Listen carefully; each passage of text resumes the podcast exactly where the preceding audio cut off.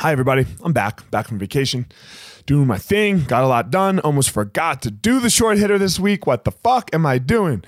Uh, so, anyway, yesterday, or when was it? Now, two days ago, we're sitting at the table with, uh, with my oldest son, Kanan, and Simon didn't want lunch. So we had, didn't want school lunch. So I had to uh, get lunch to make sure he could have lunch. And he's only six years old.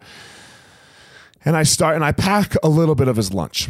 And Kanan looks at me and goes, Dad, why are you packing a little bit? I was like, Well, dude, because he needs to he needs to do something. Like he can't make a peanut butter sandwich yet, right? He can't cut the bread and right, he can't spread the jelly. So but all the rest of it he can do. He can get his little snacks and things he likes, and he can take his lunchbox and put it in.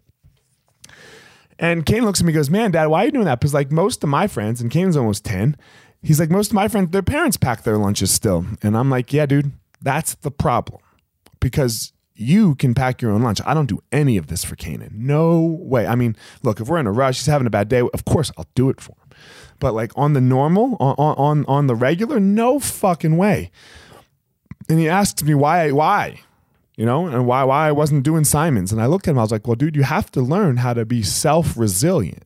Like you have to understand that you have to be able to rely on yourself to be able to do everything that you need like survive in the world like and, and we went through it. He's like well but like i don't have to. I, i'm gonna be 18 i don't have to do that until i'm an adult and not living here. And i was like i know. This is like the biggest problem in the world in my opinion dude.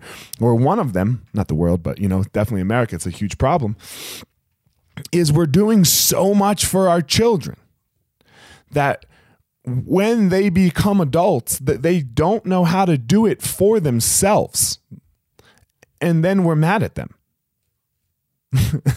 right? Like we we're like you can't how can you not do this? You're 18 now. Well, look, if you never teach someone how to do it for themselves, what makes what what what about age? What about just growing up makes you think that you're gonna they're gonna learn how to do it? We didn't we don't nobody miraculously learned how to do jujitsu. Nobody miraculously learned how to swim or anything. You you had to go with these little little steps along the way. You have to walk into class. You have to learn how to hip out. You know, with swimming, you have to learn how to float. You have to doggy paddle, get to the edge, right? You're not, Michael Phelps didn't just fucking turn 18 and, and, and was a badass swimmer. It took a really long time. It took like, you know, 16 years or however old he was when, you know, it took for fucking ever. It's the, we have to do that on the regular. We have to do that with our kids. We, we have to let them have these little wins of self resilience. Oh, you're going to pack your lunch today. Okay, now you're a little older. You can your your your coordination, your hand coordination is a little better. You're going to spread the the jelly and the peanut butter on the sandwich and cut it and put it in the bag. You're going to do everything for yourself as far as packing your lunch. Right? You're going to put your clothes away.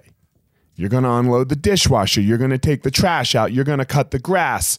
It's not. It look, it looks like you're doing this so that you don't have to do it. No, it's so that you don't have to do it when they're fucking 18, when, when they don't live in your house anymore. It's so that you don't have to pay their bills and you don't have to make sure that they're getting up to go to work and, and, and all these things. And more importantly, you don't have to get them a lawyer because they're so fucked up that they, they, they fuck their whole life. You're going to pay for it. We're all going to pay for it at some point with our kids.